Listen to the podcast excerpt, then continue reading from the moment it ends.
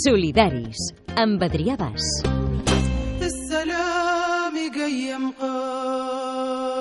No fem diferències. Ara aquesta va per la gent jove que escolta els solidaris. Quants de vosaltres teniu feina i l'heu trobada de seguida que heu acabat els vostres estudis o els vostres graus formatius? Heu allargat la vostra etapa d'estudiants amb màsters, amb postgraus, perquè veieu complicat trobar feina? Seguiu vivint a casa dels pares perquè no trobeu la feina que us permeti tenir el vostre primer espai propi? Els pròxims minuts els dedicarem a això, a parlar de joves i de mercat de treball. Diuen que la vida està canviant, que ara viu més temps i molt millor. I jo he de ser un burro pringat, tot i la feina vinc molt pitjor. Segons l'Eurostat, que és l'Agència Europea d'Estadística, a Europa hi ha 5 milions de joves d'entre 20 i 24 anys que ni estudien ni treballen. A l'estat espanyol, aquests joves representen el 22%, que és una de les xifres més altes de tota Europa, per darrere, atenció, d'Itàlia, de Grècia, de Croàcia, de Romania i de Bulgària, sobretot països del sud i de l'est d'Europa. I a l'altra banda, a l'altre extrem, els països amb menys atur juvenil, els Països Baixos, Luxemburg, Alemanya, Suècia i Dinamarca, tots entre un 7 i un 9%. La crisi que pateix el sud d'Europa ha castigat especialment els joves que no troben oportunitats per tenir la primera feina i, en conseqüència, per poder-se emancipar, per fer estalvis i per començar un projecte de vida. I com a pal·liatiu, esperant que bufi millor el vent, molts joves, preveient, o més aviat tement, que no trobaran aquesta feina de seguida, aquesta primera feina, opten per seguir estudiant i ampliant la seva formació quan arriba setembre. I no és veritat, es viu fatal, amb la hipoteca se'n va el jornal. Doncs avui és 10 de setembre i falten molt pocs dies perquè comenci el curs acadèmic. Afra Blanco, portaveu de Balot Joves de l'UGT. Què tal? Bona tarda. Molt bona tarda i merci. Gràcies per convidar-nos. tornar a Catalunya Ràdio, gràcies per venir als Solidaris. Ara arribava l'Afra i mig equip del que l'any passat tenia la Sílvia Còpolo em donava records per ella. Ostres, quan la vegis, fes-li un petó de part nostra. Molts records per ells, també. Sou molt macos. De part teva els hi donaré. Allargar els estudis, Afra, preparar-se més i millor per competir en un mercat laboral cada vegada més inestable, és eh, una solució, és un pedaç... Bueno, és una aposta del jove, vull dir, una aposta que, que passa perquè tenim inquietuds eh, per continuar formant-nos, no només en aquesta etapa, sinó també més endavant quan, quan trobem feina, la promoció, el Clar, continu estudi. Formació continuada, això. Però, ja... evidentment, és una aposta eh, que garanteix una feina més endavant, doncs, per desgràcia, i, tal, i com està actualment el món del treball, no. No, vull dir, sí que som fills d'una societat i d'un ambient polític i d'uns pares i unes mares i uns avis que ens aconsellaven formar-nos més mm. per tenir un treball més digne i equivalent també a la nostra formació eh, i també salarial més Per més viure millor reconegut. que els pares i els avis. Efectivament, com fan tots els pares i fan tots els avis. I a totes les cultures. I, ah, efectivament, però per desgràcia som aquesta generació que ara per ara estem visquent molt pitjor que els nostres pares mm. amb la nostra edat en el seu moment. Tenim més formació, però acabem treballant en llocs de treball no equiparables a la nostra formació. Fins i tot tenim molts casos, centenars de casos de joves que han de, han de canviar el seu currículum vitae i han d'anul·lar certes formacions perquè si no l'empresari empresari entén que està el molt format. sobrepreparat Ah, efectivament. i jo tu no et puc pagar i és injust que jo t'agafi Ah, perquè més val que trobis la teva feina en un altre lloc. Ah, efectivament. I per desgràcia aquesta feina reconeguda no es troba entre les nostres fronteres i aquí és on quan Mm. s'agafa aquest avió Mm. i es marxa a, a dibuixar el projecte de vida en un altre país. Allà on puguis. Per poder sobreviure. Som una Correcte. generació que no demanem pas altra cosa que no sobreviure o mal sobreviure, sinó viure. Però ja és trist, és a dir, hem de demanar sobreviure, no, no, això hauria d'estar... És que som, som esclaus de nòmina, literalment. Visquem amb una nòmina de menys d'un mes, tres mesos. Parlem de, de la primera oportunitat laboral, ara tot, totes aquestes estadístiques anaven enfocades a això. Per què és tan important aquesta primera feina en el desenvolupament d'una persona? perquè adquireixes eh, eh, unes competències, perquè defineixes un perfil eh, perquè assegures que ja has estat en aquest àmbit, mm. perquè en moltes ocasions eh, la pròpia persona de recursos humans d'una empresa s'oblida que ha estat jove i que li van oferir una oportunitat. I per tant, això, aquesta famosa frase no, de el jove no treballa, el jove està més per la festa, el jove està més per la, perdó per l'expressió, la birra. I clar, s'oblida que ell també va ser jove i clar, per nosaltres és importantíssim aquesta aposta en l'estabilitat per poder definir un perfil professional dins d'aquesta empresa. Mm. Hi ha informes que diuen que no és un problema de mala formació perquè els joves d'aquí estan tan ben preparats com els joves de molts altres països mm. que tenen millors xifres de, de, de, de mercat de treball per joves.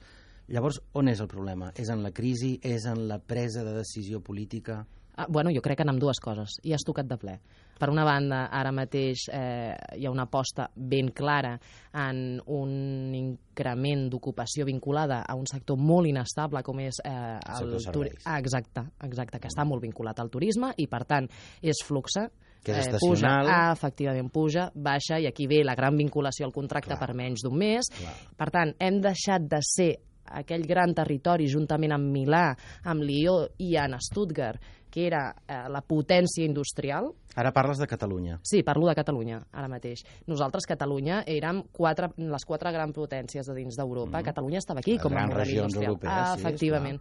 Ara estem de, deixant davant d'això per caminar cap a un model ocupacional molt inestable, on 8 de cada 10 joves s'hi estan inserint puntualment, mm. pel que has dit, mm. perquè és estacional, i per altra banda el que tenim són unes mesures polítiques que ens venen donades que deixen molt i molt que desitjar, reformes laborals que en cap cas afavoreixen el jove, en aquest cas, que és mm. aquest que està donant aquesta primera entrada. Mm. Després també, evidentment, bueno, en el cas de la garantia juvenil, concretament, el Partit el Popular... de la Unió Europea. Si em permets, el Partit Popular bonifica a les empreses per la contractació quan a França, tenint una reforma laboral sobre la taula, el que han fet és precisament penalitzar els contractes temporals a les empreses. És a dir, si tu ets una empresa i tens molts contractes temporals, et penalitzo.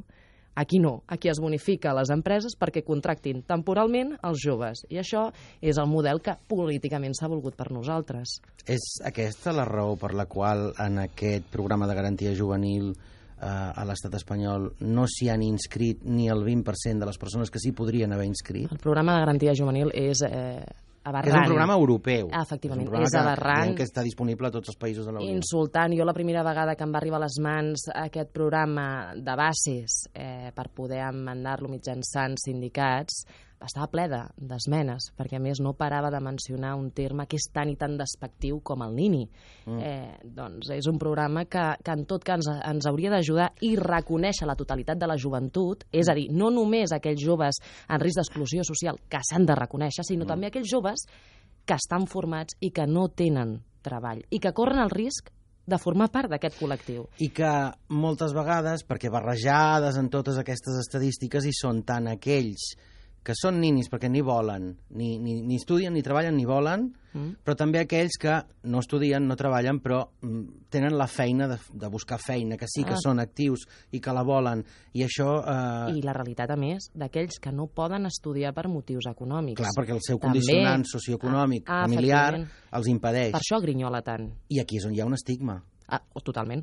Bueno, és que s'han rebaixat beques, a més no poder, i aquests joves que han hagut de deixar les seves carreres, aquests joves que no poden pagar de dia d'avui la FP perquè les seves famílies estan patint perquè ells no troben una feina, se'ls hi diu ninis, també, en caire totalment despectiu. El nini, que, el nini que menciones a Catalunya representa una nimietat i no hi ha més ara que en l'etapa dels nostres pares o en l'etapa dels nostres avis. No, Sempre hi ha no hagut joves. crisi. No, res a veure. És més, davant de la crisi, el jove s'ha posat, posat colzes a sobre la taula. S'activa totalment.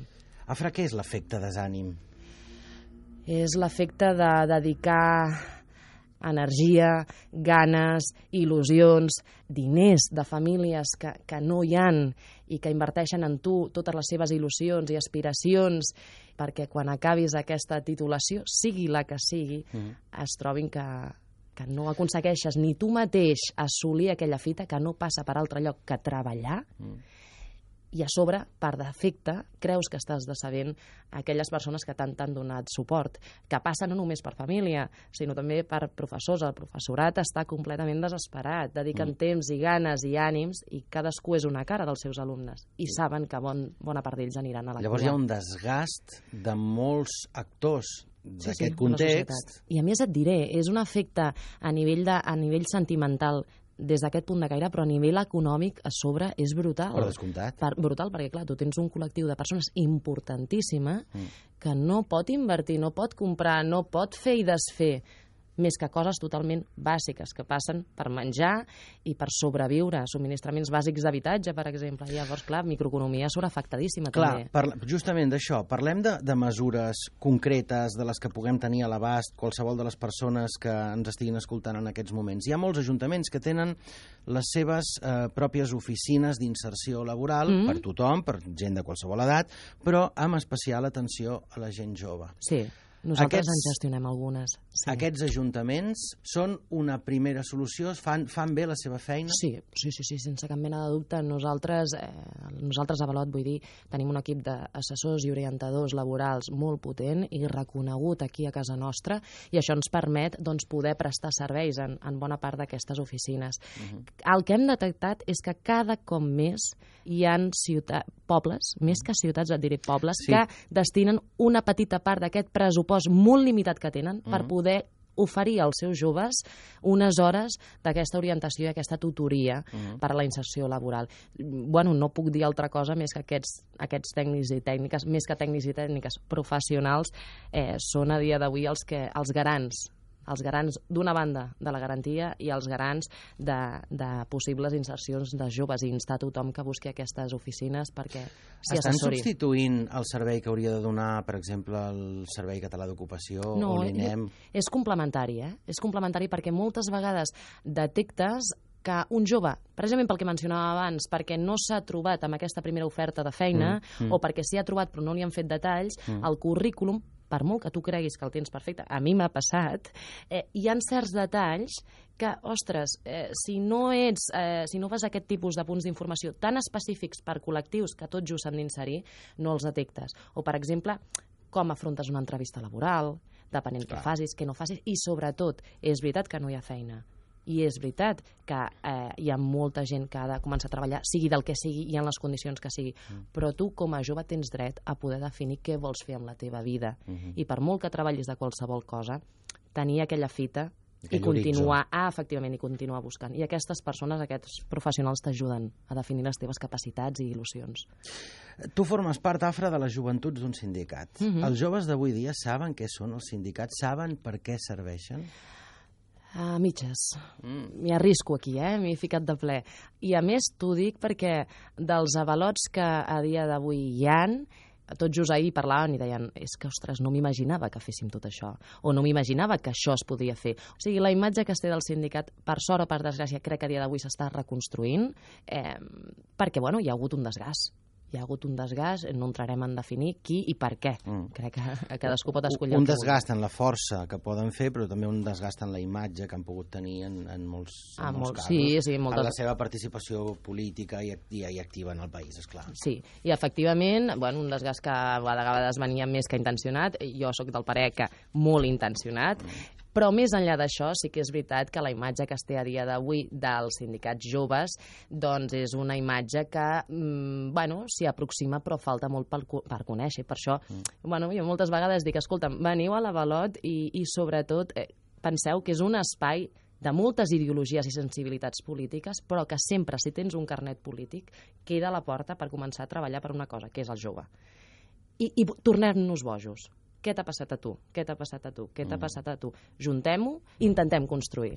Doncs, doncs fem-ho això, posem-ho a la coctelera. Com, com s'adapten els sindicats a un mercat laboral que cada dia és més fragmentat, que és més individual, els minijobs, els treballadors autònoms, la gent que treballa des de casa, els emprenedors, tot això que ens diuen que arribarà i que, i que potser ja és aquí a tocar Ai, la tenim, cantonada. Ho tenim, ho tenim de fet, ja. ja ho tenim. Efectivament. Uh, us heu replantejat a vosaltres mateixos? Bueno, el secretari general de l'UGT de Catalunya, el Camil Ros, va fer un titular que, que bueno, que eh, jo personalment, però molts companys i companyes, quan el va fer i el vam llegir, ens van posar com bojos, que és que ara venen uns mesos molt calents molt calents sindicalment parlant, perquè ja toca i ja és hora.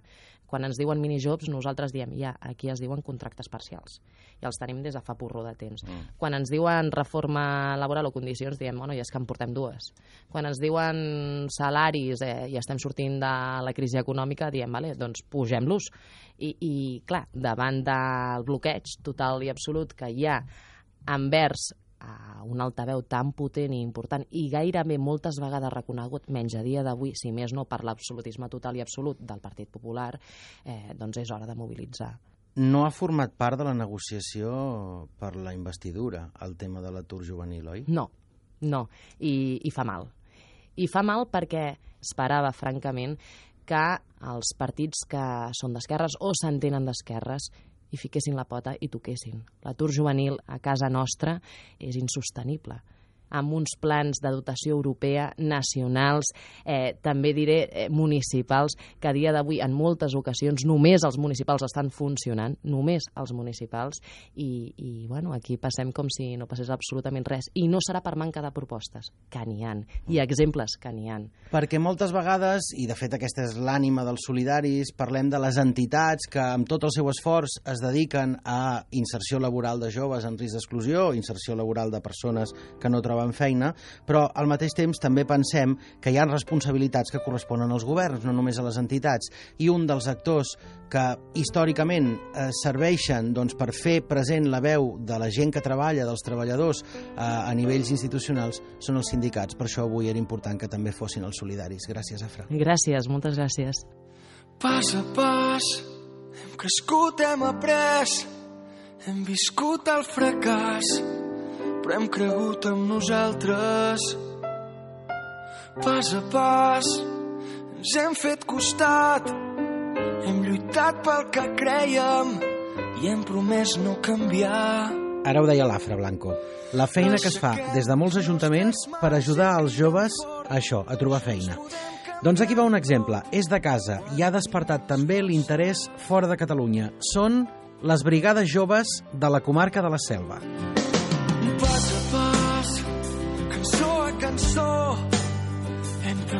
Les barreres que no duien enlloc.